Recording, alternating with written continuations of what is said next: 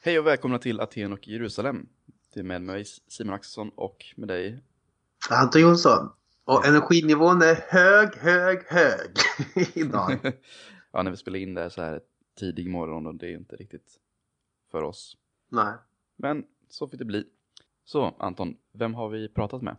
Leif Svensson. Eh, som kommer från? Umeå universitet. Som sysslar med? Doktorand i systematisk teologi. Kan man säga så? Sysslar med doktorand i systematisk teologi. Det kan man det. Ja. Språklig, språklig innovation. Så fick det bli. Och vi har ju pratat med Leif bland annat av anledning med, av 500 eh, års ja, jubileet, frågetecken, till eh, reformationen och jag vet inte vad man ska kalla det. Jubileet låter ju alltid skevt att säga, tycker jag. vad, vad säger man då? Åminnelse? Ja, års, årsdag, årsdagen. Årsdagen. Mm. Ja, men det låter bra. 500-årsdagen. Ja, det är neutralt. Och, och då har vi pratat om Luther. Mm. Eller Luthertolkningar framförallt i, i, i Sverige kan man säga. Ehm, och då speciellt tvåregementesläran. Och det går ju ut på då att Gud har två stycken små svärd i sin hand. Mm. Det ena är kyrksvärdet. Eh, och det andra är statensvärdet, eller överhetssvärdet. Frågan är ju hur de här relaterar till varandra kan man säga. Och hur man har tolkat det här i till exempel då Sverige. Och så. Leder det till till exempel att man kan supporta nationalsocialismen ibland? Eller så? Eller ja, vad, vad leder det till för, för vad har det haft för problem den här teologin och så? Och finns det något sätt att komma bort från det kanske? Mm. Exakt. Och han har också skrivit, han håller på med sin avhandling, det handlar om Albert Richtel som är berömd, eh, liberal teolog. Det är synd att vi inte kunde prata lite grann om det. Det skulle vara kul att liksom få lite mera eh, ibland kan ju ordet liberal teolog liksom slängas omkring som ett eh, skällsord. Det vore kul att få lite, lite kött, och, kött på benen om liberal teologi. Men det får jag göra någon annan gång. Ja, vi, Mm. får, vi får spara på den. Mm. Eh, har vi något mer att säga? Ja, eller vi kan ju på att eh, den eh, torsdagen den 30 november ska vi ha vår eh, första eh, livepoddinspelning. Och då kommer? Joel Halldorf, Och? Fredrik Lignell. Och, vi Och kommer ses, vad gör de för något? Vad sa du? och, jag ska bara säga, och vi kommer ju ses i Ryttargårdskyrkan. Då, Mm. torsdagen den 30 november klockan 18.30. 18.30. Och det kommer vara grymt. Det kommer finnas pizza. Det kommer vara kul. Du kommer vara där. Vi kommer, Vi kommer alla omfamna varandra. i Kärlek. Det kommer bli en härlig stund. Mm. Vi kommer ha en härlig stund tillsammans. Eh, nota bene är ju också att man kan donera pengar till våran podd. Och vi, var först, vi har faktiskt fått vår första donator någonsin. Eh, applåd.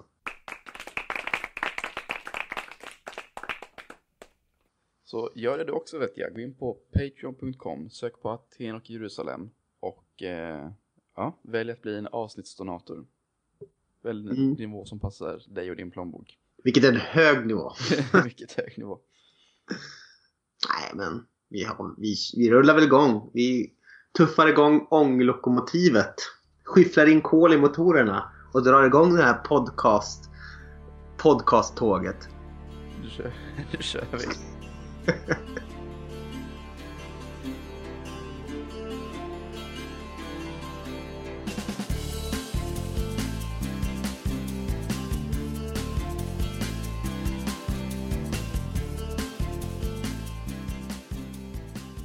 Hej Leif! Ha, Hallå? Hej!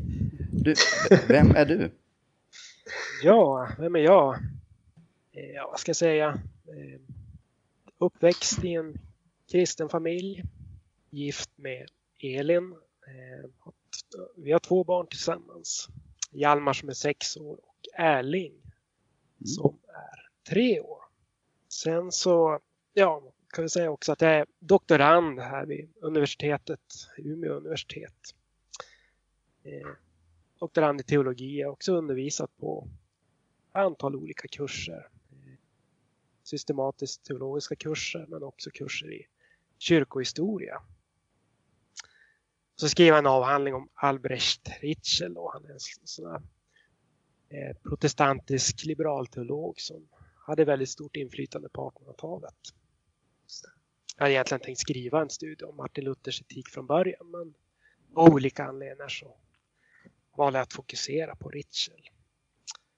Ja, annars är det inte så att man har så väldigt mycket fritid men jag är med i Korskyrkan här i Umeå. Det är en, en EFK-församling och sådär. Försöker, ja, man försöker hålla kontakt med vänner och sådär. Mm. det, det är mycket med doktorerandet och barn och sådär. Så Apropå ditt barn, Erling. Är det, är det någon sorts referens till den härliga svenska teologen Erling Billing då? Nej, det, det, är, det är inte. Eller om du tänker på Einar Billing. Ja, Einar hette han, förlåt. Jag, jag skrev att det var Einar Billing. Jag blandade ihop namnen. Okej. Okay. Då får du stryka. Det är bara för att vi tycker att det var fint sådär. Just det. Ja, precis. Bortse från min senaste kommentar. Ehm, just det. Vi ska, vi ska prata lite grann om, um, du har skrivit om tvåregementsläran. Lite grann. Uh, hur man har förstått uh, Luthers syn på förhållandet mellan staten och kyrkan kan man säga. Eh, och det här är ett begrepp som är viktigt i luthersk teologi. Eh, men för det första, hur skulle du beskriva vad är egentligen tvåregementsläran för någonting? Ja, eh, tvåregementsläran kan man säga det, det är eh, ett svenskt namn på det man i, i internationell eh, med luthersk teologi vanligtvis kallar för tvårikesläran. Så man kan säga att den här tvåregementsläran, tvårikesläran är, är synonymer. Mm. Eh, och, eh, ja, den här tvårikesläran den har förstås i likhet med många andra då, lutherska läror tolkats, den har tolkats väldigt olika av moderna lutherska teologer. Det, det råder en stor oenighet kan man säga i, i hur man egentligen mer i detalj ska förstå den här eh, tvårikesläran. Ja, mm. ska man uttala sig generellt så, så kan man väl säga eh, på ett plan som alla skulle hålla med om så kan man säga att den här läran kanske utgör ett försök av lutherska teologer att förstå då, eh, som du var inne på, skillnaden eh, och förhållandet mellan kyrka och stat. Eh, också skillnaden och förhållandet mellan kristna plikter i, i det privata livet och det offentliga livet. Det är en lära som också kan relateras till en mängd andra distinktioner eller aspekter av Luthers teologi. Mm. Till exempel de som har att göra med världens rike och Guds rike. Det andliga regementet och det världsliga regementet. Och lag och evangelium och så vidare. Och ja, den här läran har ju spelat en väldigt stor roll i för många moderna formuleringar av luthersk etik. Och det är många faktiskt lutherska teologer som har utgått ifrån den här läran eh, när de har försökt beskriva hur det kristna livet ska gestalta sig i, i en modern värld. Så att den har spelat en, en stor roll för många eh, lutherska teologer. I Luthers teologi verkar man vara väldigt stort fan av dikotomier, liksom. lagevangelium, ja, två riken och så vidare kyrka, stat. Ja. Luther gör ju väldigt många sådana typer av distinktioner. Mm. Många moderna lutherska teologer har också kanske gjort ännu mer av vissa distinktioner som de, eh, finns i Luthers teologi och kanske mm. liksom betona dem på ett sätt som ja, Luther kanske inte skulle göra. Sådär. Du beskriver att eh, tvåregementsläran har kommit i ett visst vanrykte eh, på grund av hur den användes för att försvara nazismen. Hur gjorde man liksom för att använda den här eh, teolog, teologin för att försvara eh, nationalsocialismen? Då? Eh, det är vissa lutherska teologer, till mm. exempel sådana som Paul Althaus, Werner Ellert, Friedrich Skogat och Emanuel Hirsch kom att använda den här tvårikesläran till att legitimera på olika sätt nationalsocialismen i Tyskland på 1930 och 1940-talen. Eh, ja, om man ska försöka beskriva då hur, hur de resonerade så, så det fanns en tendens hos den här typen av teologer att, att förstå de här två rikena ungefär som två fristående sfärer då. En inre och privat sfär som man måste skilja då från en slags yttre och offentlig sfär. Och då från det här perspektivet så blir tron då något som bara hör till den inre sfären. Eller andligheten. Och något som då också måste separeras ganska strikt från någon slags offentlig sfär eller naturliga och mm. sekulära eh, världen. Och de här teologerna de tänkte sig också att den här offentliga eller världsliga sfären att den är på något vis autonom eh, eftersom den kan frikopplas Guds uppenbarelse i kyrkan. Så då det politiska och sociala livet som man kan tänka sig utmärker då livet i världen, i, i den världsliga sfären, har, sin, har sina egna rationella lagar. Då. Det här är lagar då som man kan känna till utan, utan hjälp av Kristus eller uppenbarelsen i Bibeln. Så. Och det är till och med så då att uppenbarelsen inte säger något konkret om hur det här offentliga livet ska utformas utan det är bara eh, man betonar då att det är bara det mänskliga förnuftet som ska väg, vara vägledande för hur livet i den här autonoma världsliga sfären ska gestaltas. Mm.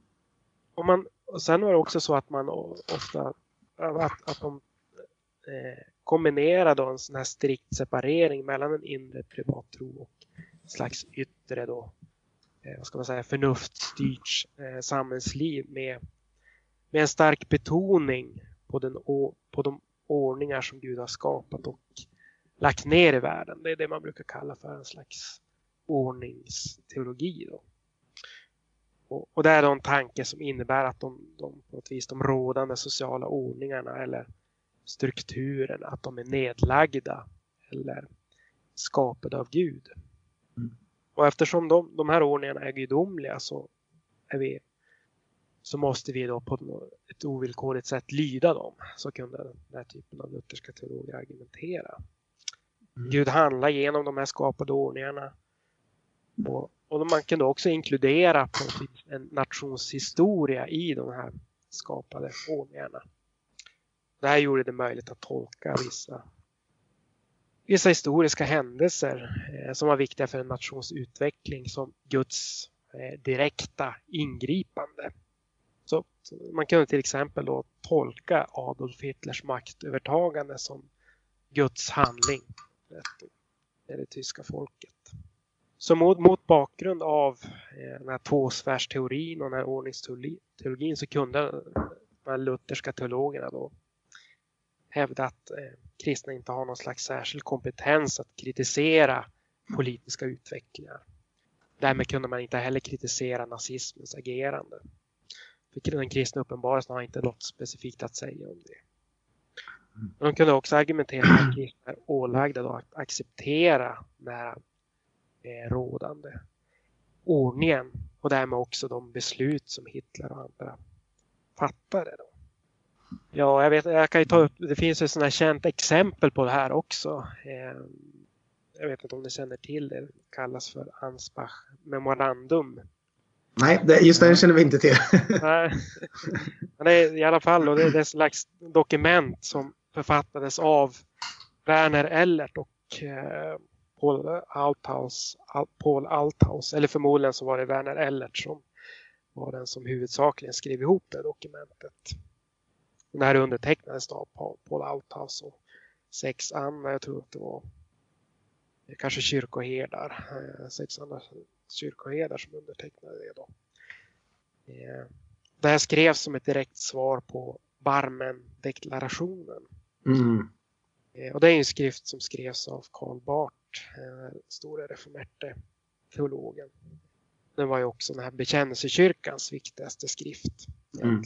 Och bekännelsekyrkan, jag vet inte om ni känner till den, men den grundades ja, ja. 30-talet för att motverka det här nazistiska inflytandet på, mm. på de tyska kyrkorna. Och det här problemet då som, som Ellert eh, såg med Barmendeklarationen eh, det var ju att den här med, med, att den med sin kristocentriska betoning på Jesus som Herre då bröt loss eh, varje form av positiv koppling mellan kyrkan och folkets historiska erfarenheter kan man säga. Mm. Så i det här Ansbach memorandum så, eh, så hävdas det bland annat att Gud då, genom lagen har bundit en människa till det sociala sammanhang som hon står i. Att hon därför måste underkasta sig familj, folk, ras och andra då naturliga ordningar som är givna av Gud. Mm. Det framhålls också att kristna måste lyda överheten som då är instiftad av Gud. Och att kristna också är ansvariga inför Gud att stödja fyren eller Hitler eh, i sina kallelser. Och det, det kanske mest anmärkningsvärda i det här dokumentet är att det står att, att eh, man måste tacka Gud för att han då i den här tiden av nöd gett Tyskland fyren som en hängiven och troen, troende ledare som också etablerar etablerat den nationalsocialistiska staten som en god styrelse. Mm. den här typen av argument som man för fram i, i det här dokumentet kan kopplas då till, till en viss förståelse av tvårikesläran och den här typen av ordningsteologi som jag var inne på tidigare. Så att, det är ganska tydligt att man använder då vissa viss Luthers terminologi för att viss stödja eh, naziregimen eller i alla fall eh, hävda då att man inte hade några eh, anledningar till att göra något, något motstånd mot den eller kritisera den på något sätt. Att det var inte kristnas uppgift. Mm. Spännande. Du var inne på förut att eh, det här med tvåregementslära liksom, synonymt med det man kallar för tvårikeslära. Men eh, undrar, skiljer den svenska versionen av tvåregementsläran sig åt mot övriga? Liksom, är den svenska versionen annorlunda på något vis? Ja, alltså svenska teologer som, som Gustav Wingren, de har gärna velat framhålla att, att deras tvåremenslära skiljer sig från den här tvårikesläran som till exempel Ellert kunde förespråka då under första halvan av 1900-talet. Så man har försökt att distansera sig lite grann från den tyska tvårikesläran. Och då har man ibland påstått att den här svenska tolkningen av, av läran att den inte leder till samma typ av problem eftersom då den, skulle, den starkt betonar att Gud eh, regerar i alla områden av livet och det här då skulle motverka, tänker man sig, någon slags okvalificerat eh, legitimerande eller stödjande av sekulär auktoritet och, eh, och staten. Och det kanske ligger någonting i det men jag är inte lika övertygad kanske om, om att eh, det inte finns mm. liknande problem med, med hur, hur många svenska teologer under Lutherrensansen förstod den här läran. Mm. Och, ja, men det intryck jag fått, jag till exempel läst det, det Einar Billing och Gustav Wingren och andra tongivande företrädare för, för den svenska Lutherrensansen. Jag läst, läst det de har skrivit och, och om Luther då, under 1900-talet eh, är att deras tolkningar har ja, i alla fall liknande problem kan man hitta där. Mm. Och ett sånt här avgörande problem är det sätt som Ellert och andra eh, kunde tolka Luthers etik på under nazitiden. Det var att den inte gav några resurser till, till någon slags specifik kristen kritik av samhällsutvecklingen. Så den här separationen mellan då ena sidan Guds uppenbarelse i Bibeln och, och genom också förkunnelse i kyrkan och då andra sidan livet i på något vis den förnuftstyrda världen. En sån typ av separation som underminerar som jag tänker är själva tanken på, på tydliga kristna mm. och stockar för gestaltandet av samhällslivet. Och sådana här problem finner man ju också till exempel hos Wingren så jag tycker att han, han köper en slags modern tudelning av tro och förnuft. Mm. Genom att i stor utsträckning reducera kristendomens bidrag då till livet i världen till en slags skapande av en inre motivation i människan. Då. Och det är en motivation som gör det möjligt då för, för människan då, eller för oss att utföra våra plikter i hemmet eller på arbetsplatsen och andra ställen. Ja. Men det, det, finns ju inte så många moraliska krav så att säga, som är pålagd kristna enligt Wingrens tolkning av Luther utan det, det centrala eller nästan enda kravet det blir det här att, att älska nästan. Det är så, det är så slippery, alltså det är så, det är så halkigt också det här begreppet liksom älska sin nästa. Det kan ju nästan mm. användas till vad som helst. eh, tänker jag ofta när man för fram det liksom. Ja, precis. Det är, ja. det, det är svårt att tänka sig att det räcker till, till att ge några tydliga tydliga regler eller normer som man måste förhålla sig till. Alltså det säger ju någonting förstås men det är ju som, som du är inne på, det kan ju användas på väl till att legitimera vad som helst. Alltså, mm. kan ju legitimera alla former av våld nästan.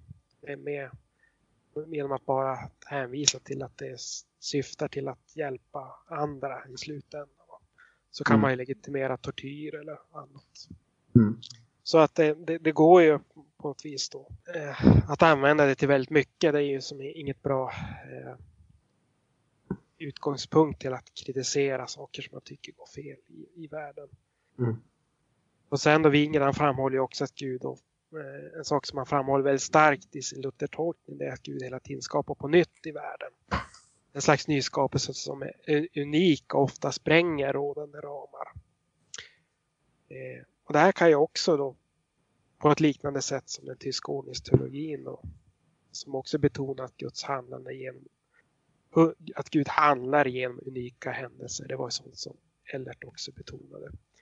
Men, men, och det hittar man också hos Wignes tolkning. Det är också väldigt lätt att använda det till att legitimera pro problematiska samhällsutvecklingar. Kan, saker som inträffar just, just nu som kanske går emot hur det har sett ut tidigare. Men det, det måste man välkomna som på ett vis Guds nyskapelse då enligt Wingrens eh, terminologi. Det kan ju bli lätt att användas på ett sådant sätt. Eh, missbrukas. Då.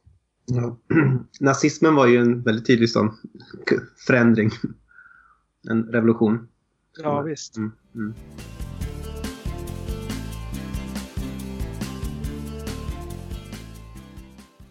Alltså det som slår en, tänker jag, du, du skriver ju om de här svenska teologerna Einar Billing och eh, Gustav Wingren. Och det som slår en är ju hur deras Luthertolkning skapar en ganska extrem individualism på ett sätt. Och så samtidigt understödjer en ganska hierarkisk ordning där man ska liksom underordna sig staten eller liksom eh, ta sin plats i samhällslivet. Eller åtminstone så i Billing tänker jag. Eh, alltså känns det inte lite grann som om, som om deras teologi passar lite hand i handske på det här med det här folkhemmet som börjar liksom växa fram med, det, med dess liksom där individen står liksom i ett väldigt speciellt förhållande till staten. Alltså, eh, om man underordnar sig staten så blir man också väldigt mycket en tydlig individ i det här samhället. Eh, jag vet inte, tycker, ser du några sådana kopplingar eller så? Jag vet inte om du hänger med? Ja. Jo, visst, visst kan man väl säga att, att deras Luthertolkningar på sätt och vis går ganska bra ihop med, med den här tanken på svenska folkhemmet. Mm. Jag menar, det är en sån här grundbult i, i den här föreställningen om, om folkhemmet. Det är väl det här, ja, men just det här med en stark stat som har möjlighet att fostra sina medborgare i, i demokratiska värderingar och öka välfärden för alla och sådär. Och I alla fall den här moderna lutherdomen som Billing och Wingren eh, representerade. Den, den, utgör i alla fall inga större hot mot eh, folkhemmet. Då. Men mm. den, den inkräktar ju på något sätt inte på det här offentliga rummet som behärskas av, av staten och någon slags förnufts och vetenskapsstyrt samtal. Mm. Så det kan man väl säga. Det blir förstås annorlunda då om man tänker sig kristna gemenskaper som mer direkt börjar blanda sig i det offentliga samtalet och politiken genom att ja, uttala sig mer tydligt från en kristen tradition eller kristna måttstockar och sådär om vad som är bra och dåligt i samhällsutvecklingen. De upplevs ju eh, i, i, i svenskt eh, folkhem så upplevs det ju väldigt lätt som ett hot. Mm. Och, och, på samma sätt blir det ett problem med kristna gemenskaper som uppfostrar ja. med sina barn och ungdomar en slags kristen etik och världsåskådning som då en, delvis utmanar en slags socialliberal eller socialdemokratisk folk, folkhemsideologi. Då.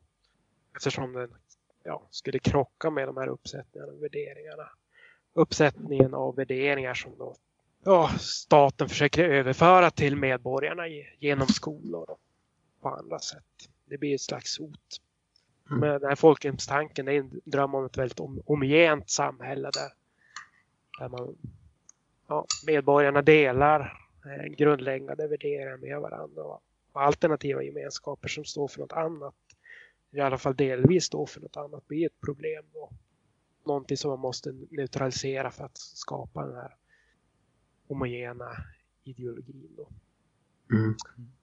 Och, eh, jag menar, Vingen och Billing, de säger inte något mycket om kyrkan som någon slags eh, gemenskap heller. Så att man, eh, kyrkan får inte, eh, blir inte den här alternativa gemenskapen heller där. Så, som kan kontrastera mot staten eller kanske ibland stå för något annat. Så, så där, inte heller där så utmanar ju man det svenska folkhemmet utan går ju ganska bra ihop med det.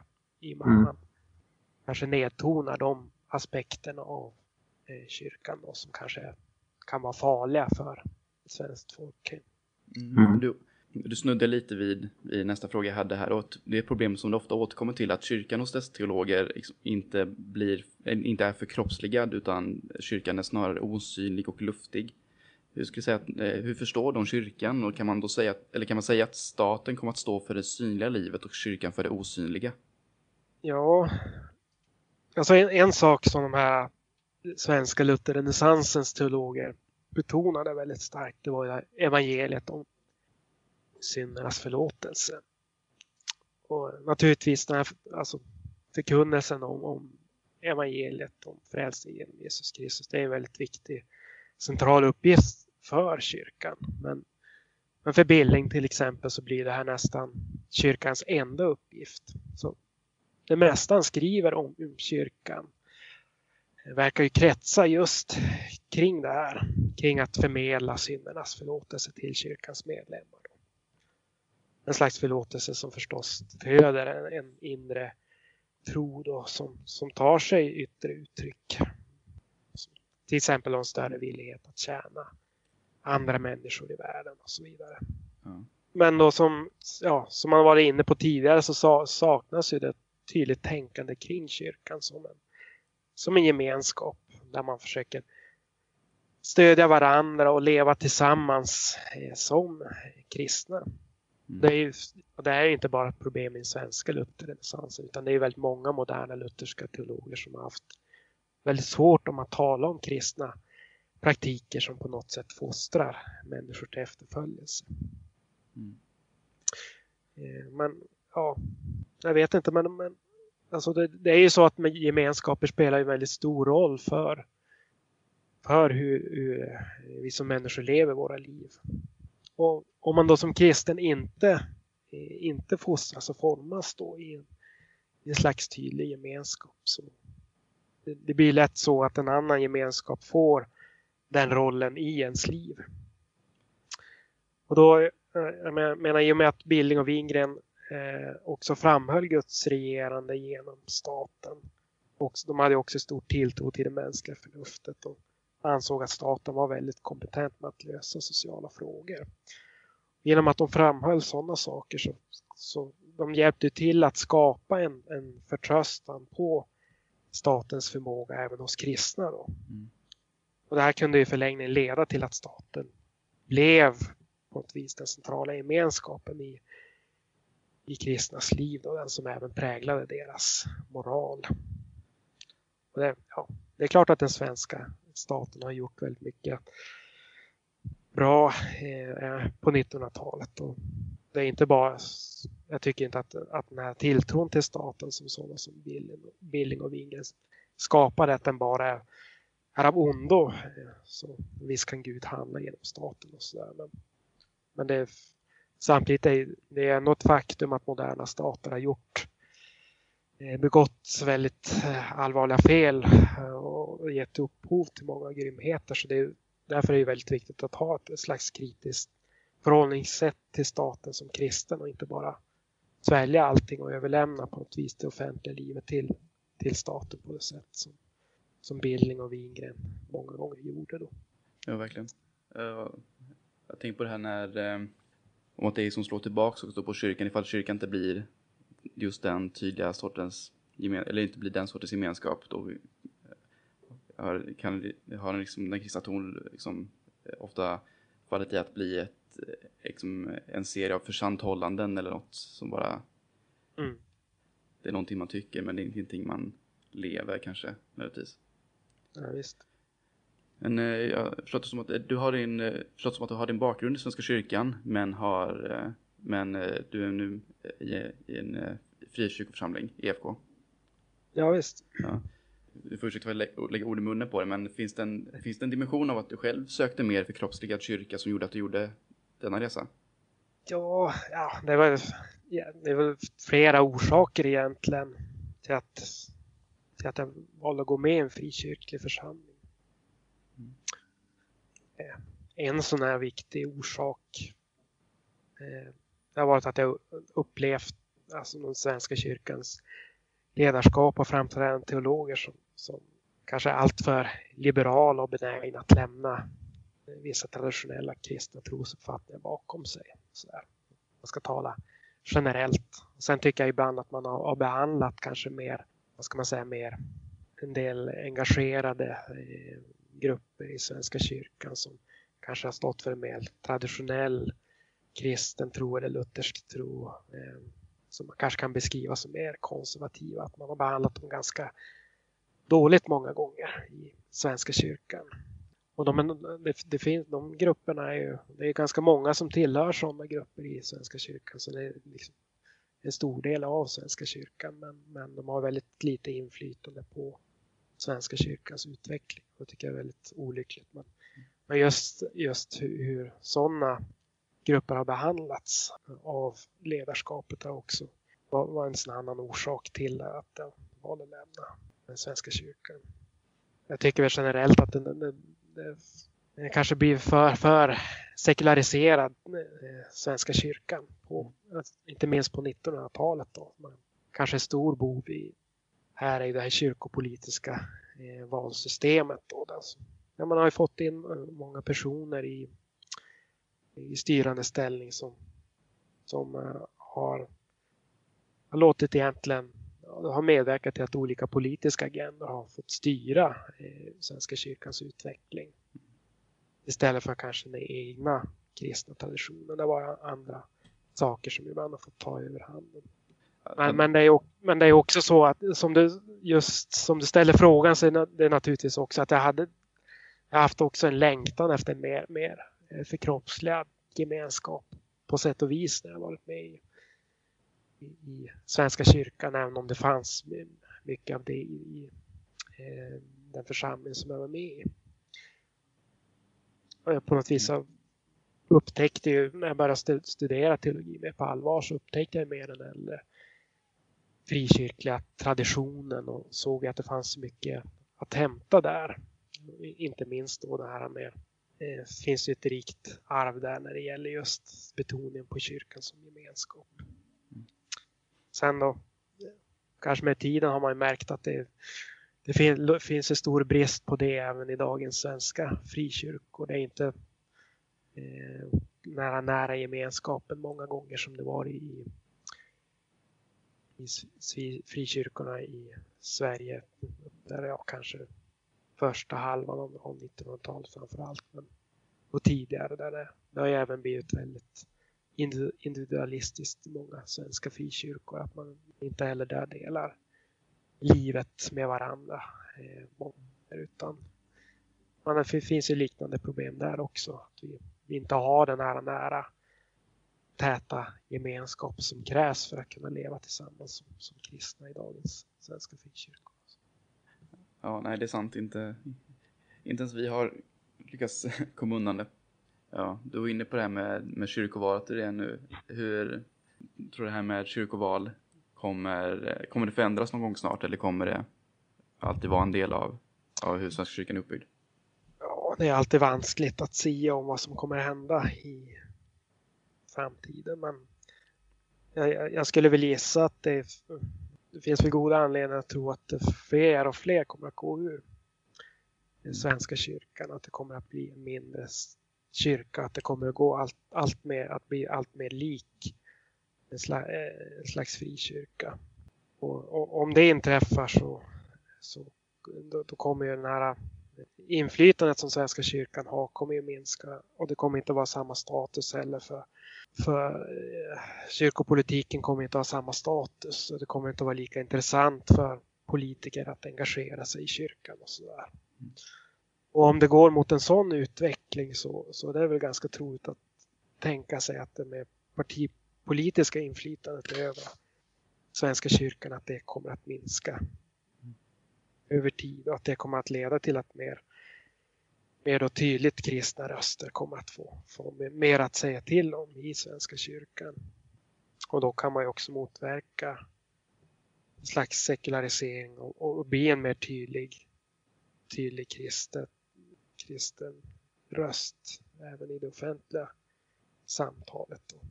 Sen man, vet, man kan aldrig veta vad som, vad som händer. Det kan ju bli starkare band mellan Svenska kyrkan och staten i framtiden också. Även om det inte verkar speciellt roligt nu. Men mm. sånt, sånt har ju hänt i andra länder förut. Va? Man har skilt kyrka från stat men sen då har det blivit en slags statskyrka igen. Och så där. så att det, det beror ju alltid på vad som, vad som kommer att hända. Typ Ryssland kanske? Ja, precis. Det, det ligger nära till hans. Men eh, vilka praktiker tror du att kyrkan behöver för att kunna föra ut ett, liksom ett effektivt profetiskt vittnesbörd mot staten? Ja, eh, ja en, en, sak som, som jag tror är viktigt i det avseendet är att kyrkan har tydliga något tydliga kristna normer att luta sig mot. Man har slags måttstockar för livet som, som man har förankrat i en kristen, i en kristen tradition förstås ytterst sett då Guds uppenbarelse då i, Bibeln. Så ibland då när samhället är på väg åt fel håll så är det är viktigt att stå upp och säga, och säga, att, och säga ifrån.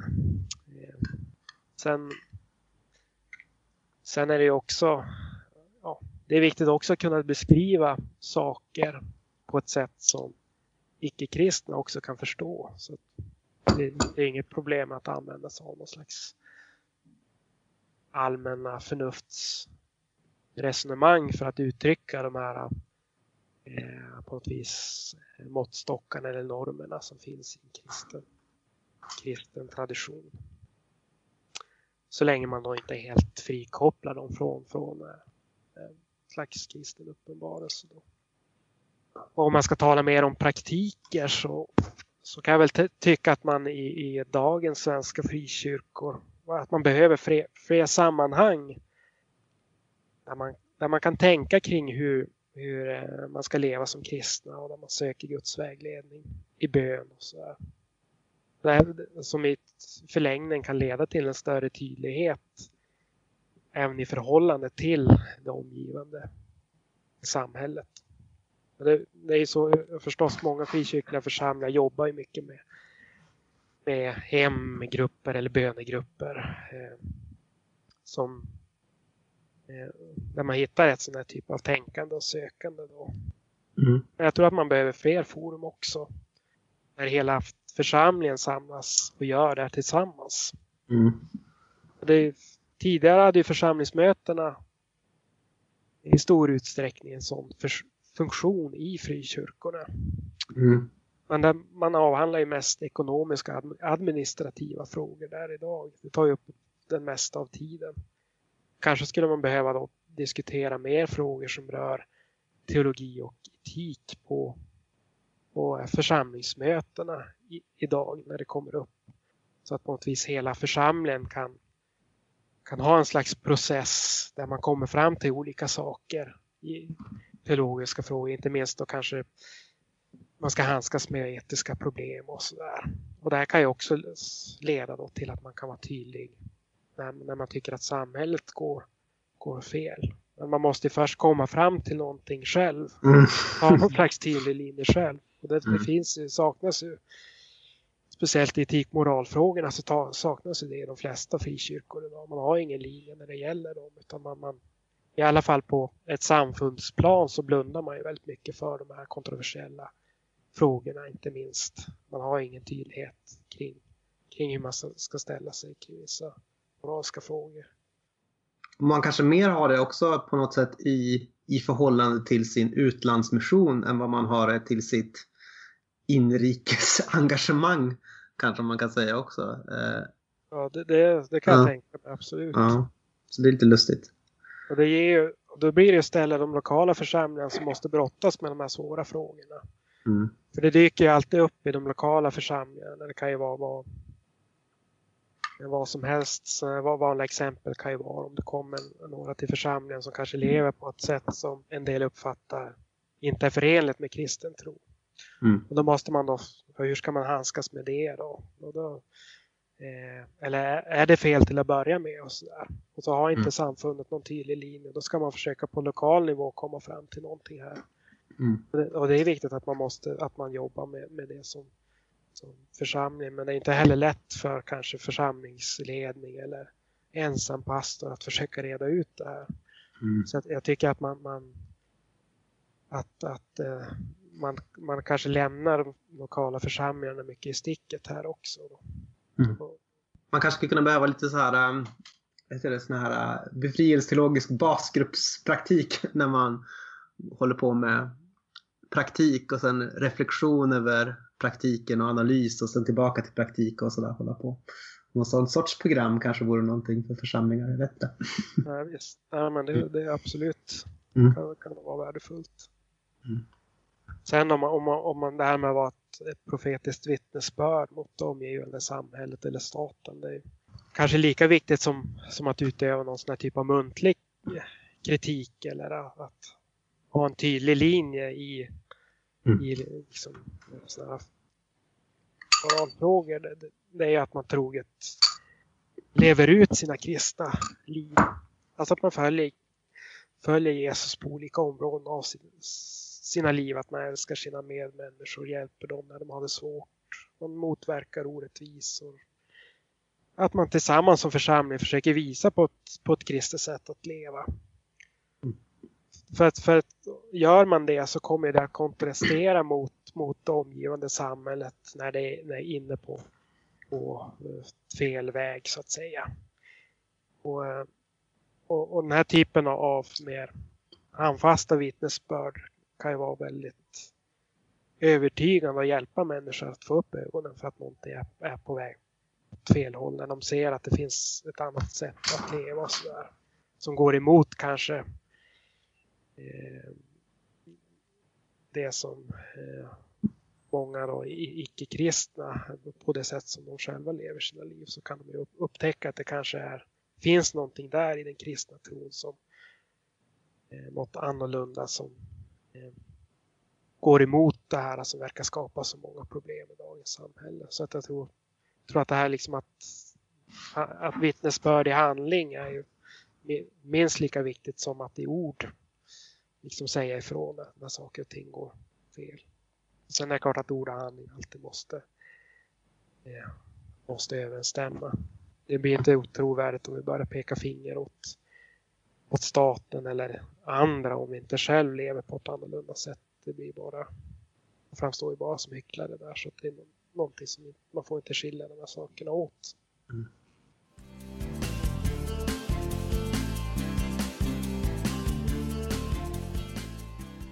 Jag tänkte också på det att eh, Wingren till, till exempel menade att det knappast fanns liksom, eller finns någon särskild kristen etik. I alla fall ingen som inte går att läsa ut ur skapelsen. Eh, hur skulle du formulera dig kring förhållandet mellan skapelse och eh, kristen etik? Ja, jag vet inte, e, en, en sån här klassisk kristen uppfattning som, som jag ansluter mig till är det här att det finns en slags naturlig lag som i slutändan går tillbaks på Guds eviga vilja. En naturlig lag som är, man kan säga då inneboende i eh, varje människa. Och det här skulle betyda att varje människa har någon slags insikt om, om vad som är rätt och, och fel av naturen då i sitt hjärta eller förnuft. Och här, ja, men det går ju att hänvisa till olika bibelverser här också. Eh, men jag tänker mig också att det här att människans synd eller vår synd på ett vis har påverkat den här kunskapen som vi har fått av eller som vi har på något sätt inneboende av naturen. Att, att, ja, men att, att vår kunskap om Guds vilja att den är påverkad av, av synden och vår bristfällighet och sådär. Och det här är ju något som inte bara med, skulle medföra att vi av, inte alltid gör vad som är rätt utan att vi inte också inte heller har eh, alltid har rätt kunskap om, om vad som är rätt och fel. Alltså att, vi, att vår förståelse av den naturliga lagen också förvanskat på något sätt. Och därför så, så har vi behov av någon slags tydliga normer och måttstockar också som kommer av uppenbarelser som Gud själv har meddelat oss. Ja, men till exempel tio Guds bud eller olika förmaningar i, i Nya Testamentet då, som, som bygger på uppenbarelser i, i slutändan och som Gud har gett oss för att vis kanske påminna oss om den här naturliga lagen som vi egentligen har inneboende i oss i någon utsträckning. Och den här naturliga lagen då, jag, jag tänker att den gör att vi kan hitta rätt många gånger med hjälp av vårt förnuft. Eh, så, så det är inte så att vårt förnuft inte är brukbart på något sätt utan vi ska ju försöka använda det på bästa sätt. Men, men sen så tror jag att det, det många gånger leder oss fel och det är det som är, gör det så vanskligt att bara lita på det. Ja, man, kan, man kan väl säga att jag håller med Wingren om att, han, att Gud har gett oss ett förnuft som vi bör använda på bästa sätt. Men, men, men att vi samtidigt då, jag är inte lika optimistisk mm. eh, när det gäller det här förnuftet som han är. Utan jag tror att vi behöver tydliga uppenbarelsebaserade normer också eftersom att förnuftet många gånger leder oss fel. Så, ja. Det är en sån fråga, skapelse och etik, väldigt bred fråga som är många olika saker man kan komma in på här. Men...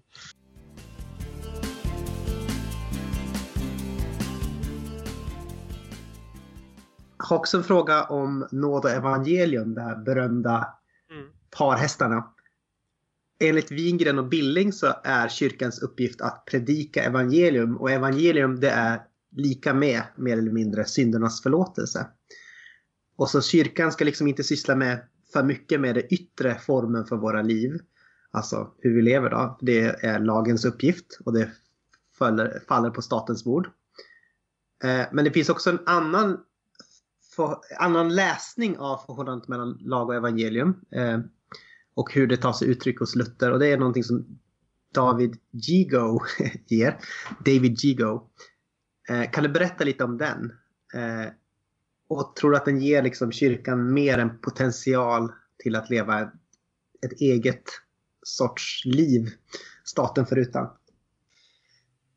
Ja, visst, eh, jag tycker Geo är intressant. Och, mm. Eh, eh, han visar att det finns andra sidor av Luthers etik. Det finns resurser mm. där som, som man kanske inte alltid har tagit tillvara på i modern lutherdom. Han angriper ju bland annat, han är också så här, angriper modern lutherdom från olika perspektiv. Eh, och menar att det är, den utmärks av, av en, ja, han talar bland, bland annat om en slags utbredd antinomism i modern lutherdom. Mm. Som skulle vara en slags utbrett motstånd mot lagar och regler. Och han menar att, att den här typen av antinomism Eh, att den kan föras tillbaks eh, till någon slags antagonistisk eh, förståelse av lag och evangelium som då enligt Jego inte, inte motsvarar Luthers uppfattning. Då. Ja, men eh, Luther, om man ska försöka beskriva då den här moderna antinomismen som Jego identifierar så eh, det är så att Luther eh, han ansåg att den här distinktionen mellan lag och evangelium att den var särskilt betydelsefull för en rätt förståelse av rättfärdiggörelsen. Så om lag och evangelium förväxlas, eh, det vill säga om det Gud vill att vi ska göra då lagen, om det förväxlas med, med det här glada budskapet om frälsningen av nåd genom tro på Kristus. Eh, så leder det enligt Luther till en, till en slags felaktig syn på, på rättfärdiggörelsen. Då. Till den här föreställningen då att vi på något sätt med, med hjälp av egna eh, goda gärningar då, eller gärningar kan erhålla rättfärdiggörelse. Och Jego han håller med, kan hålla med Luther här. Men, men han säger att det, det funnits en tendens inom modern lutherdom att, att då tänka sig lag och evangelium antagonistiskt som en slags två motsatta eh, och oförenliga ord då, i, i den meningen att eh, lagen har förståtts eh, som en slags fullständigt förtryck och evangelium som en slags total befrielse. Och då, den här distinktionen mellan lag och evangelium den har inte relaterats till någon slags, eh, vad ska man säga, ett större, den har inte relaterats till något större sammanhang. Då. Och det här säger då Jego har gjort att grunden till lagens förtryck eh, måste sökas i lagen själv. Eh, så det är inte människans olydnad eller synd då som är orsaken då till att man upplever lagen som ett hot. Utan lagen förtrycker eh, bara därför att den är lag, ett ordnat krav eller en befallning. Så lag, utifrån det här perspektivet så, så, skulle lagen förtrycka bara därför att den är en viss typ av, av, eh, av ord och en slags ordnat krav och inte på grund av den situation som vi möter den i. Eh, sen, sen har man ju, det finns ju också det här perspektivet inom den, en traditionell luthersk eh, eh uppfattning eh, att människan först måste uppleva syndaånger, syndaånger då innan hon kan ta emot frälsningen i Kristus. Och inlämnar man det i en antagonistisk förståelse av eh, lag och evangelium, av distinktionen mellan lag, lag och evangelium så, så får man då enligt Diego eh, eh, en, en följande typ av tolkning kan man säga. Att lagen det blir det första ord som möter oss eh, människor Medan då evangeliet tänks som ett slags andra ord som kommer för att befria oss från den här första situationen som definieras av lagen. Skulle man inte kunna förklara det här utifrån good cop, bad cop eh, eh, klichén i filmer? Liksom? Först kommer det good cop och säger eh, Uh, eller först kommer det bad cop och säger du är dum i huvudet, jag ska slå dig sönder och samman. Och sen kommer det good cop och erbjuder så här, snälla, eh, snäll infallsvinkel och bjuder på kaffe och sådär. Ja, precis. Det kan man säga förenklat. Men evangeliet uppfattas som en slags goda eller glada nyheter som, mm. som på något vis eh, gör slut på lagen. De här mm. tråkiga nyheterna. Men det får ju vissa konsekvenser. Ja, Geo säger att det här får ju vissa konsekvenser förstås. För att om man då har den här negativa synen på lagen då, som något som bara förtrycker så, så blir ju allt som försöker överföra någon ordning på vår existens, det blir något som är förtryckande, en förtryckande lag då som det här evangeliet ska befria oss från. Mm. Så, så i slutändan då kan man säga att evangeliet utifrån ett sånt här perspektiv blir, blir det som eh, befriar oss från att behöva lyssna på något gudomligt bud överhuvudtaget, om man ska hårdra det. Mm. Sen är det, det är förstås, jag menar, man kan inte dra all modern lutherdom över en, en kam utan det är så att det här kanske är ett problem som finns inom vissa former av modern lutherdom. Då. Men i alla fall om man ska säga något om Jegos egen tolkning här så han, han, han säger ju att Luthers synsätt inte motsvarar då en, en, den här typen av modern lutherdom som skulle bygga på en antagonistisk förståelse av lag och evangelium. Utan Luther då, eller klassisk teologi mer generellt, betonar ju att, betonar ju att den här grundläggande utgångspunkten för kristen tro, det är Jesus Kristus. Och inte någon slags distinktion mellan lag och evangelium. Utan kristendomens grundläggande bekännelse är ju att Jesus Kristus är Herre och verkligen Guds son. Han, det är ju hans liv är ju den punkten den kristna tron hänger samman. Det är han som måste vara centrum. Och därför då säger Diego så måste eh, både lag och evangelium relateras till, till Kristus snarare än tvärtom. Och det här säger han leder till en slags icke-antagonistisk förståelse av den här distinktionen. Då. Kristus han uppfyllde lagen eh, när han vandrade på jorden. Och det innebär att han är lagens form. Mm, och när lagen då anklagar oss så är det ett uttryck för Guds vrede som dömer allt som inte är i Kristus. Så lagen betonar att det är i Kristus och bara i honom som vårt goda finns.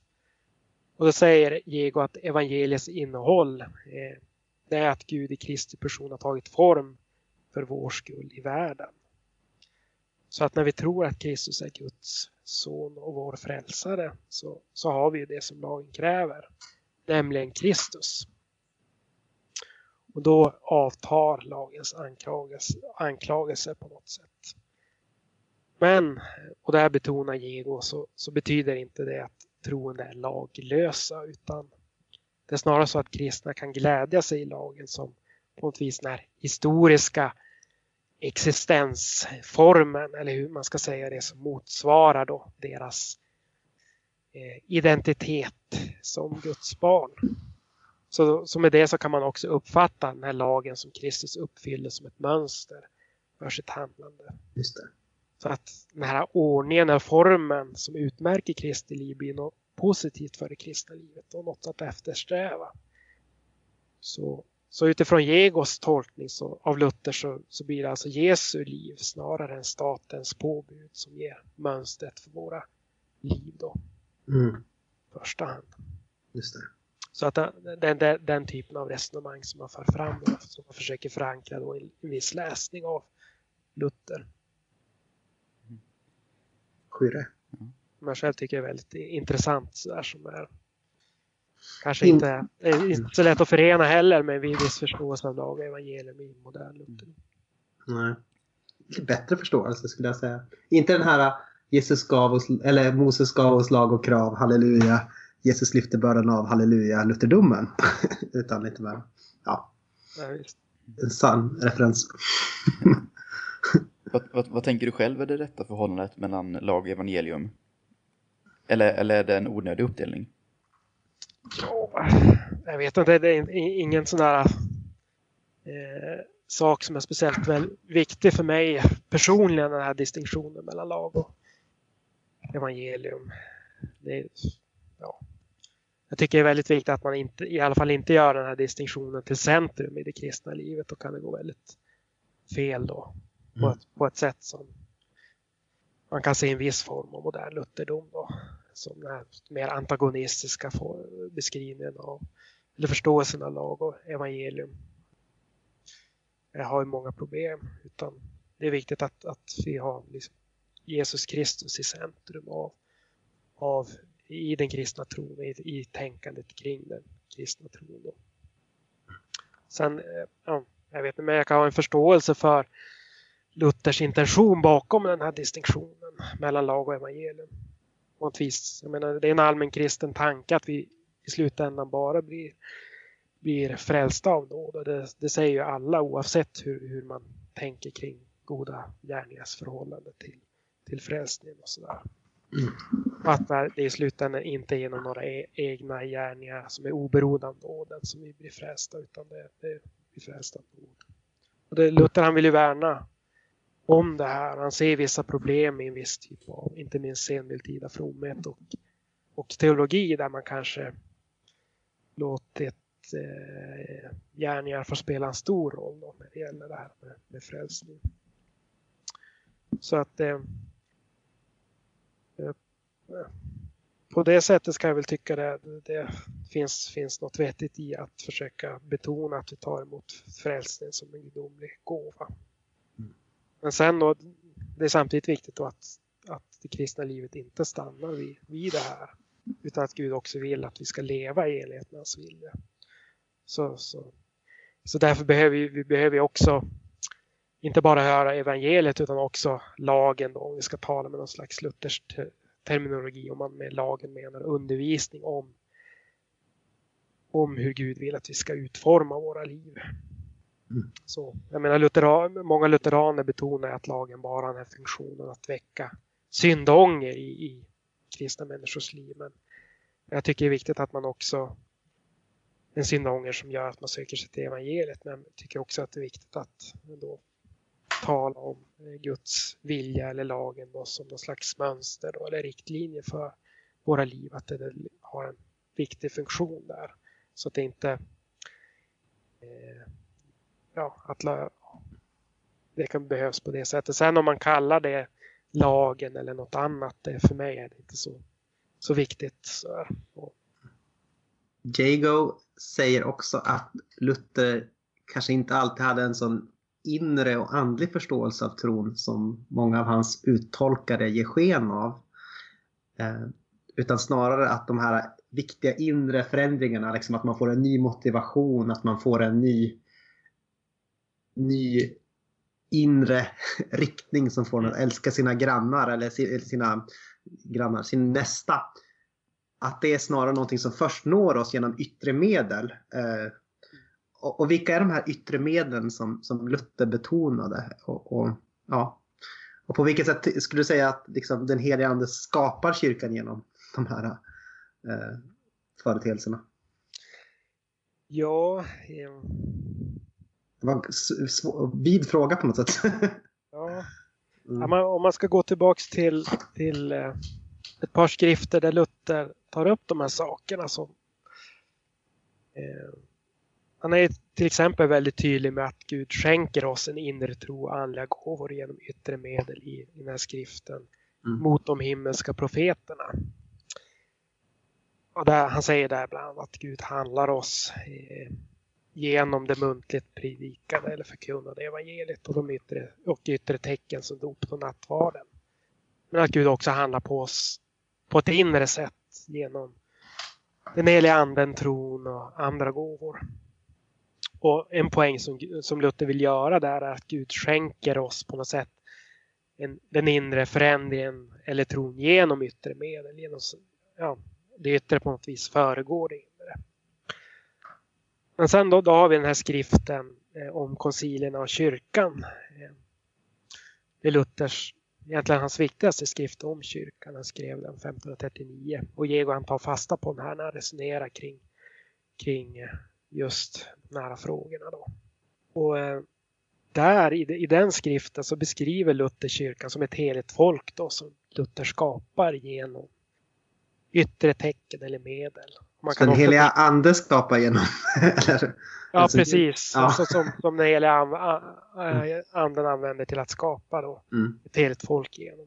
Mm. Man kan också kalla de här eh, yttre tecknen eller medel för eh, praktiker eh, mm. i någon mening. Eh, och Luther han listar sju, sju sådana eh, praktiker i, eller tecken då i den här texten. Han listar lite andra, eh, andra tecken ibland i vissa andra skrifter. Och så där. Men, men där så lyfter han fram sju sådana tecken eller offentliga praktiker. Då. Och det han tar upp då det är dels då predikan av evangeliet, eh, dopet, nattvarden, utövandet av nyckelmakten, eh, tar också upp kallandet av präster. Eh, en annan sak som man nämner det är den offentliga bönen och lovprisandet av Gud. Och sen också bärandet av, av korset, det vill säga lidandet och förföljelsen för eh, speciellt oss sin kristna tro. Och så, ja men han argumenterar då för att den heliga använder de här eh, sakerna till, eh, eller praktikerna till att skapa ett heligt folk. Att på något vis man som kristen måste leva ut de här praktikerna, att, att göra de här sakerna gemenskap och låta sitt liv formas av dem. Eh, att det är liksom centralt i det kristna livet att Gud eh, använder de här praktikerna till att forma kristna. Och Luther han säger också han säger att de här tecknen eller praktikerna är nödvändiga. Eh, de är nödvändiga för att identifiera kyrkan i världen. Han säger, han säger att det finns ingen kyrka. Eh, kyrkan finns inte eh, där de här tecknen saknas eller där, där alla de här praktikerna inte är i bruk, där finns inte kyrkan. Han poängterade väldigt starkt att alla de här sakerna som han räknar upp måste finnas för att kyrkan ska, ska existera. Det är som ett hårt slag i magen mot hela Billings eh, folkkyrkotanke där allting är så osynligt på något sätt. Mm. Ja. Ja man, man, kan ju förstå att må, många moderna lutheraner väldigt snabbt har, har, gått förbi den här typen av eh, avsnitt och där Luther säger sådana saker. Att det, man har ofta inte gjort så mycket av dem och liksom nedtonat dem och sådär. Men det här visar ju att det finns, det är ändå den viktigaste Luthertexten om kyrkan och, det, och han ägnar väldigt stort utrymme åt det. Mm. Så att det, finns, det är tydligt att det finns eh, den här typen av tänkande hos Luther, att det är viktigt att ta i beaktande för att förstå hans kyrka. Det, liksom, det verkar finnas mycket mer av, av kroppslighet i Luthers tänkande kring kyrkan än vad man kan få intrycket när man läser sådana som Billing och Wingren. Mm. Och det är ju bra att sådana som Jego och andra har liksom börjat lyfta fram de här sakerna också. För nyanserar ju också bilden av, av Luther. Så där. kan ju vara tilltalande också för, för lutheraner som kanske tycks, ja, eh, skulle vilja se mer, mer av, av sådana här saker i, i den egna traditionen så kan man se, upptäcka att det finns sådana saker. Mm. Då kan man också upptäcka, liksom ha lättare att ta till sig det med andra kristna traditioner säger om sådana här saker också. Det blir lättare att anknyta till det. Det är ekumeniskt och bra. Ja, visst. Mm.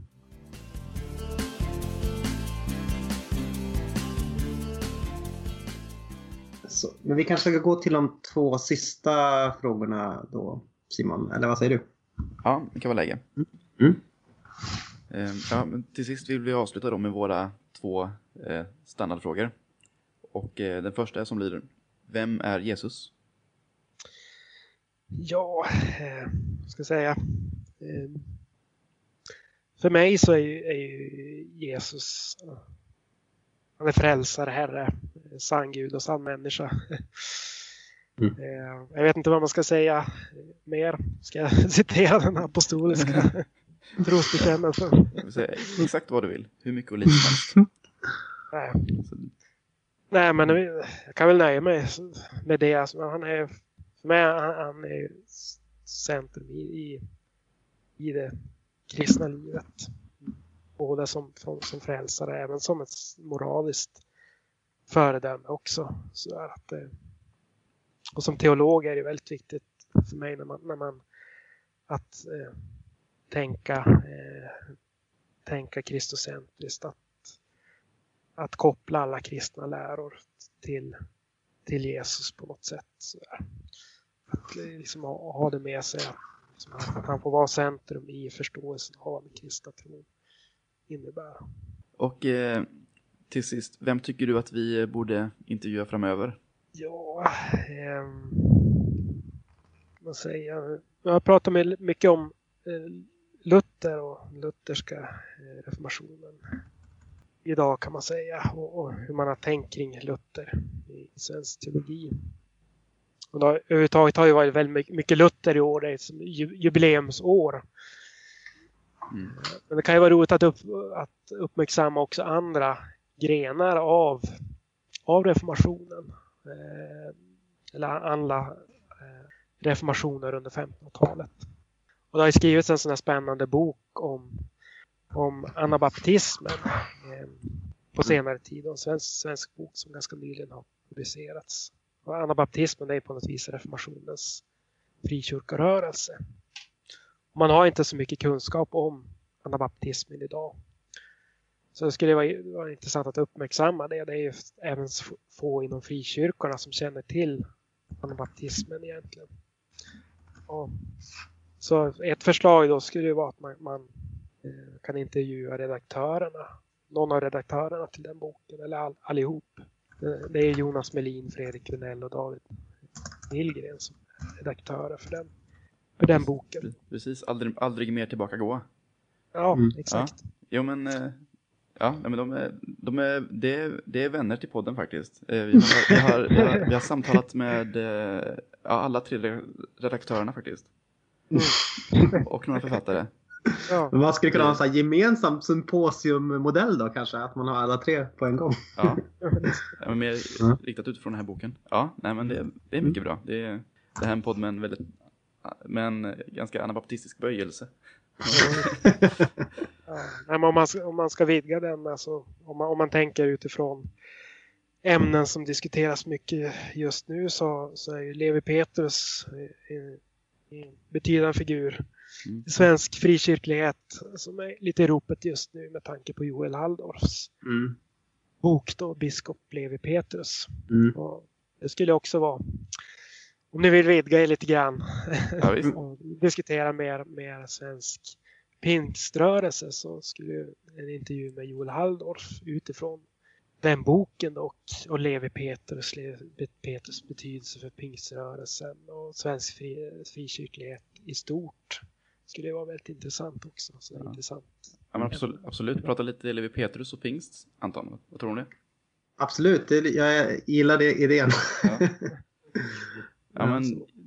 jättebra så. Då får vi tacka dig så mycket för att eh, du ville prata med oss. Ja, Var så ja men det var generös med tack för, tid här. tack för att jag fick den här möjligheten också att prata lite grann om, om Luther och Luthertolkning med, med lite mer frikyrklig problematisering i bakgrunden. Jättekul. Ja, Ja, Mm. Du får ha det så gott och eh, lycka till med doktorerandet och eh, Och hörs igen. ja precis. Ja, men, tack så mycket. Ni får ha det så bra. Samma. Ha det bra. Ha det. Hej. hej. hej. Hej då.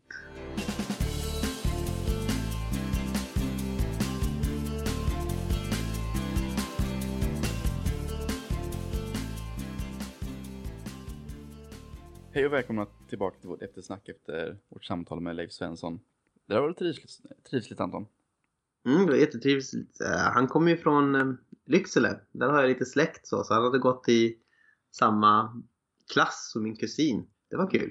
Ja men det är inte lite klyschigt egentligen att ni ska behöva känna alla, varandra? ja, men det är, det, är en sån här klassiker på något sätt. Så, nå eh, det, det, det är sånt som man inte tycker om som norrlänning. Så här, bara, Åh, är du från Norrland? Då måste du känna Kurt eller något. Och så bara, han, han bor i Boden. Och Så då, man bara, och då måste Ja. och så, bara, och så bara råkar det vara så att man känner den här Kurt och så bara, men det är inte så här i vanliga fall. Du kan inte bara dra upp en norrlänning och så känner jag den. Och så råkar man känna den, just den Kurt. Liksom. Ja, Nej, men det, Ja. ja. det är så roligt. Just som du sa det, men man tvingas säga bara ja, ja, jo, jag känner den. Ja. Ah, och så bekräftar deras bild. Ja, ah, så är det. Alla känner varandra i Norrland. Ja, helt sjukt. Ah, har ni mycket ackjor där uppe? Mycket vad då sa du? Acka, ackjor, vad heter det? Såna här heter det ackor? Jag ska kolla. Aha. Också en rolig fördom. Ja. Och acka, det är en sån här uh, samisk släde. Mm. ja. Mycket sånt förstås. Ja. Så ska vi se vad vi kan säga om det här samtalet då. ja, det kan vi göra. Alltså jag har ju länge känt till det här liksom, termen tvåregementslära.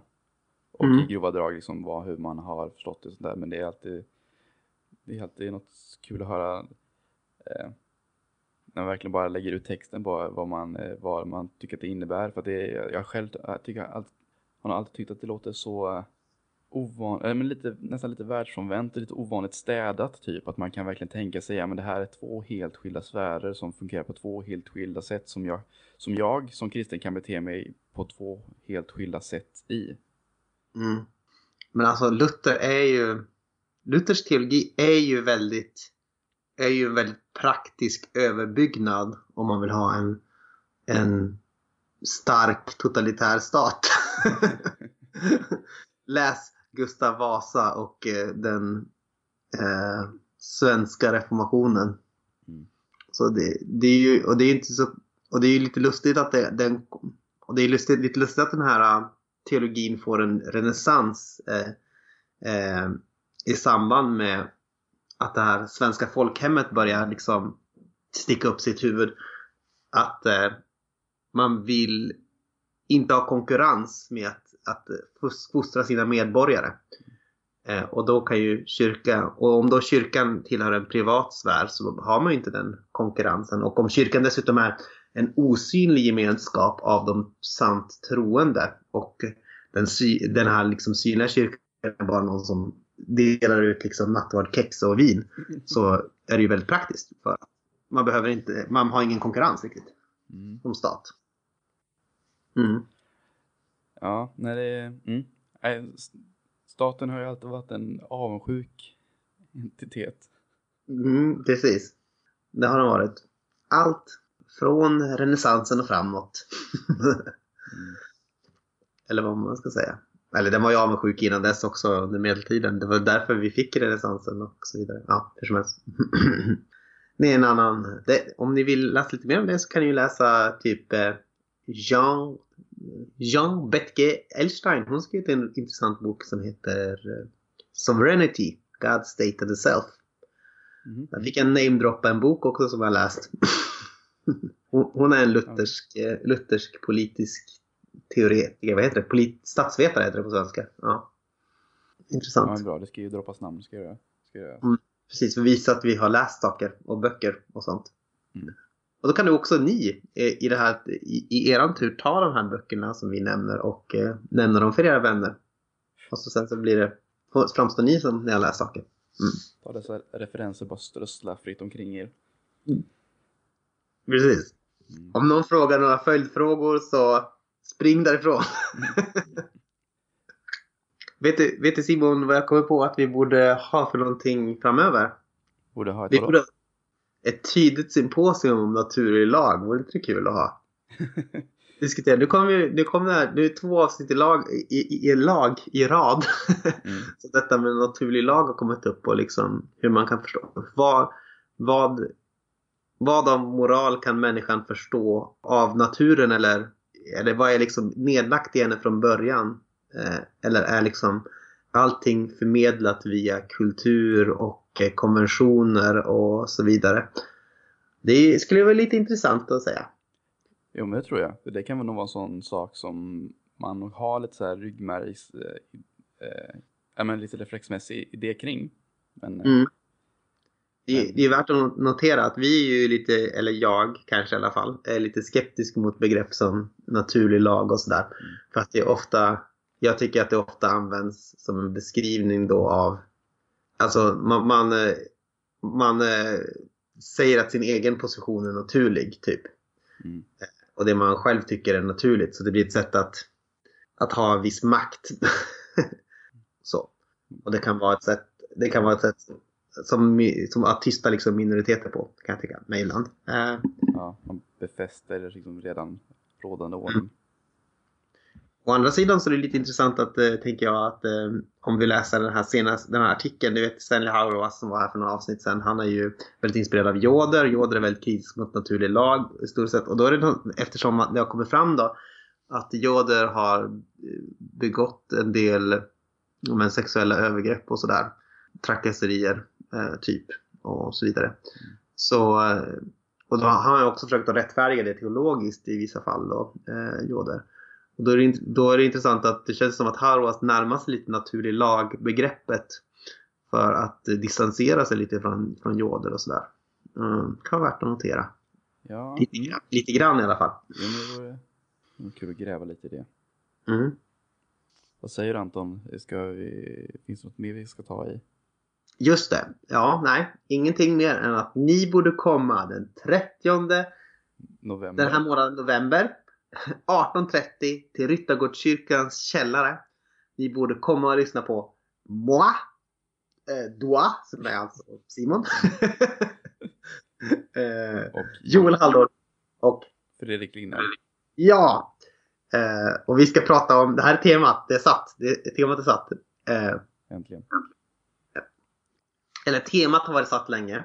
Men rubriken är satt. Okej, låt höra. Och rubrik, rubriken är Gud, församling och kristologiskt liv. Snyggt. Det här är ju en del lite grann av en unga vuxna grej som vi har i kyrkan som heter Gud, pizza och teologi. Eh, Så då brukar alltid alla rubriker vara Gud, bla bla bla och bla bla bla. Så då tänkte jag, vi gör inget undantag utan vi sätter ett sånt, eh, sån titel. Gud, församling och ett kristologiskt liv. Det blir väl bra. Det kommer bli toppen. Ja. Så, se till att komma dit. Ät pizza med oss.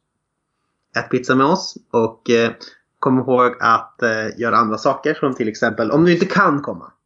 Ja. Då kan, är det minsta du kan göra att dela ett avsnitt som vi har gjort på din Facebook-sida. Att dela det på din, ditt Twitter-konto. Att eh, eh, sätta upp någon bild på Pinterest för oss. Något sånt där. Vad kan man mer? Vad finns det mer? Jag vet ja, inte, lägg upp oss på din story på Instagram eller någonting. Mm. Gör en, programmera en egen hemsida. Lägg dit en länk till Aten och Jerusalem. Det är jättelätt att göra hemsidor nu för tiden. Det kan ni göra. Ja. Det är det minsta ni kan göra. Det. Och för alla er, prenumerera podden, eh, skriv en recension, gilla oss på Facebook, följ oss på Twitter, skriv ett, brev, Donera. skriv ett brev till Anton, skriv ett mail till mig. Mm. Och så eh, Sitt inte, sitt inte utanför och tjura. Uh, join the internetrevolution. Så hörs vi snart igen och när vi hörs igen då är, då är det ju då är det den bästa tiden på året Anton. Då är det jul. då är det julmustsäsong. Ja, just det. Ska vi sitta? Vore det inte kul om vi kunde liksom så här ha en så här skummande bägare med sån här Soiners julmust. Mm. Och så sen kan vi bara sitta och så här sörpla på det lite så här mysigt under tiden som vi spelar in för och eftersnack. Ja, jä- jätte, jättegärna. Jag vill alltid, jag vill alltid ha julmust. Ja. Men jag, är- jag är hardliner när det kommer till sånt där. Jag, jag eh, kör ju bara julmust från och med första december. Mm. Och det är väl rimligt. Ja, jag tycker det. Ja. Men eh, in, inte alla här runt omkring och det är eh, jobbigt när folk börjar liksom korka upp sina julmustflaskor och burkar. Du, du, jag, tror att här, jag tror att här i Linköping så kanske man kan få tag på Soiners lite längre än vad man kan eh, lite mer norrut mot Örebro till. Det är så? Jag, jag såg det att det finns nu och det finns massor med så årsmuster och sånt där. Vi kan bara ta en så här julmustprövning liksom. Jättegärna. Skulle, vi, Jag- skulle inte det kunna vara någon så här, okej så här. Om du donerar till Patreon innan, innan december ja. så kommer vi bjuda in dig personligen till en träff där vi sitter och provsmakar julmust och spelar Monkey Bridge tillsammans. Jag har ingen aning hur det här ska gå till praktiskt, men det är värt att kolla in det för att Ja, men jag vet inte. Hör av dig ifall du är sugen på must så kanske vi kan ordna någonting. Mm. Jag har, jag har redan köpt ett par eh, eh, Ja men dels har jag beställt hem inte mindre än tio lådor med Soiners julmust till mitt Tio lådor! tio, tio lådor. Hur länge kommer det räcka? Eh, det kommer nog räcka, jag vet inte. Jag, jag kom, ja, vet inte, någon vecka i alla fall. Mm. Eh, så eh, ja, det gäller att vara redo. Och, Mm. eh, och sen har jag också här i stående skafferiet har jag, har jag två flaskor. Dels har jag liksom den nya årsmusten från Apotekarnes med hemlig smak. Och sen Mm. den eh, Nygårdas på, på korkflaska med eh, som är lagrad i bourbonfat. Bourbonfatslagring. Mm. Har vi det.